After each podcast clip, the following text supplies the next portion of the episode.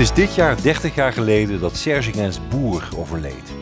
Zijn cultstatus als vader van de Franse pop wordt duidelijk als je langs zijn kleurrijke appartement op de Rue Verneuil, nummer 5 bis in Saint-Germain-des-Prés loopt. De muren zijn beschilderd met hippie-achtige graffiti. Dochter Charlotte kondigde eerder dit jaar aan dat de laatste verblijfplaats van vader Serge een museum wordt, toegankelijk voor het publiek. Zijn graf is op Montparnasse, tussen de Franse eminences Sartre en Baudelaire. De controversiële Gainsbourg stond bekend om zijn soms perverse provocaties. Naar eigen zeggen een manier om zijn onzekerheid te verhullen. Zo provoceerde hij zangeres Whitney Houston tijdens een tv-interview in 1986 op een manier die in het huidige MeToo-tijdperk ondenkbaar zou zijn. I said I want to fuck her. Non, non. Donc, il sait you are great. Il dit que vous êtes très jolie. Non, non. Mocht je nog twijfelen over wie hij was, dat zelfs snel overgaat bij het noemen van zijn alles blootleggende liefdeslied Je t'aime non plus. De BBC hield het weg bij de Britse luisteraars en blokkeerde de song. Ook het Vaticaan vervloekte het vleeselijk muziekstuk dat uitkwam in 1969, La Nerotiek. Toch werd het zijn internationale doorbraak samen met Jane Birkin die de tweede stem hijgde. Paradoxaal genoeg begon zijn carrière met het brave Poupée de Cire, Poupée de Son. Je suis une poupée de cire, une poupée de son.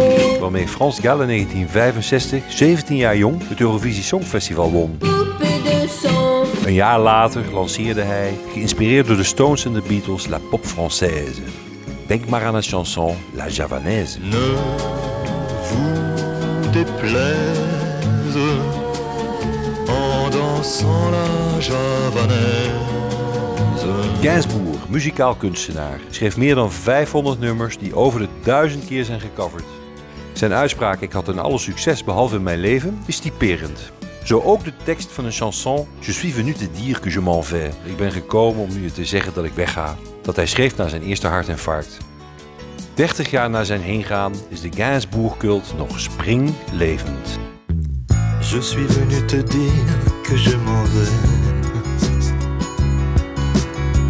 Et tes rien changer. Comme d'ici bien Verlaine, au vent mauvais. Je suis venu te dire que je m'en vais. Tu te souviens des jours anciens et tu pleures.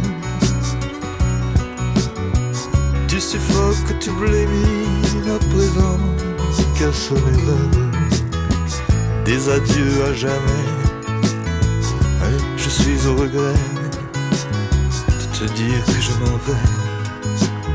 Ouais, Je t'aimais, oui, mais Je suis venu te dire que je m'en vais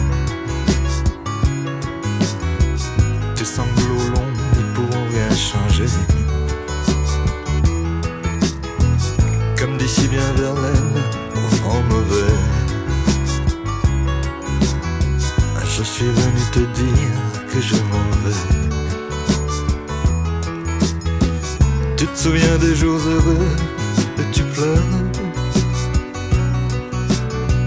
Tu sanglotes, tu gémis à présent que sonner l'heure des adieux à jamais. Je suis au regret te dire que je m'en vais Car tu m'en trop fait Je suis venu te dire que je m'en vais N'y pourront rien changer. Comme d'ici bien Verlaine au vent mauvais.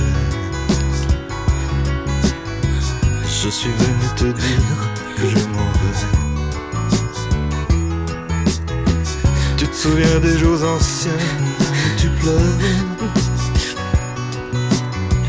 Tu suffoques, tu blémis à présent que sonne l'heure des adieux à jamais. Je suis heureux de te dire que je m'en vais. Oui, je t'aimais, oui, je suis venu te dire que je m'en vais. Tes sanglots longs ne pourront rien changer comme dit si bien Verlaine, vent mauvais. Je suis venu te dire que je m'en vais.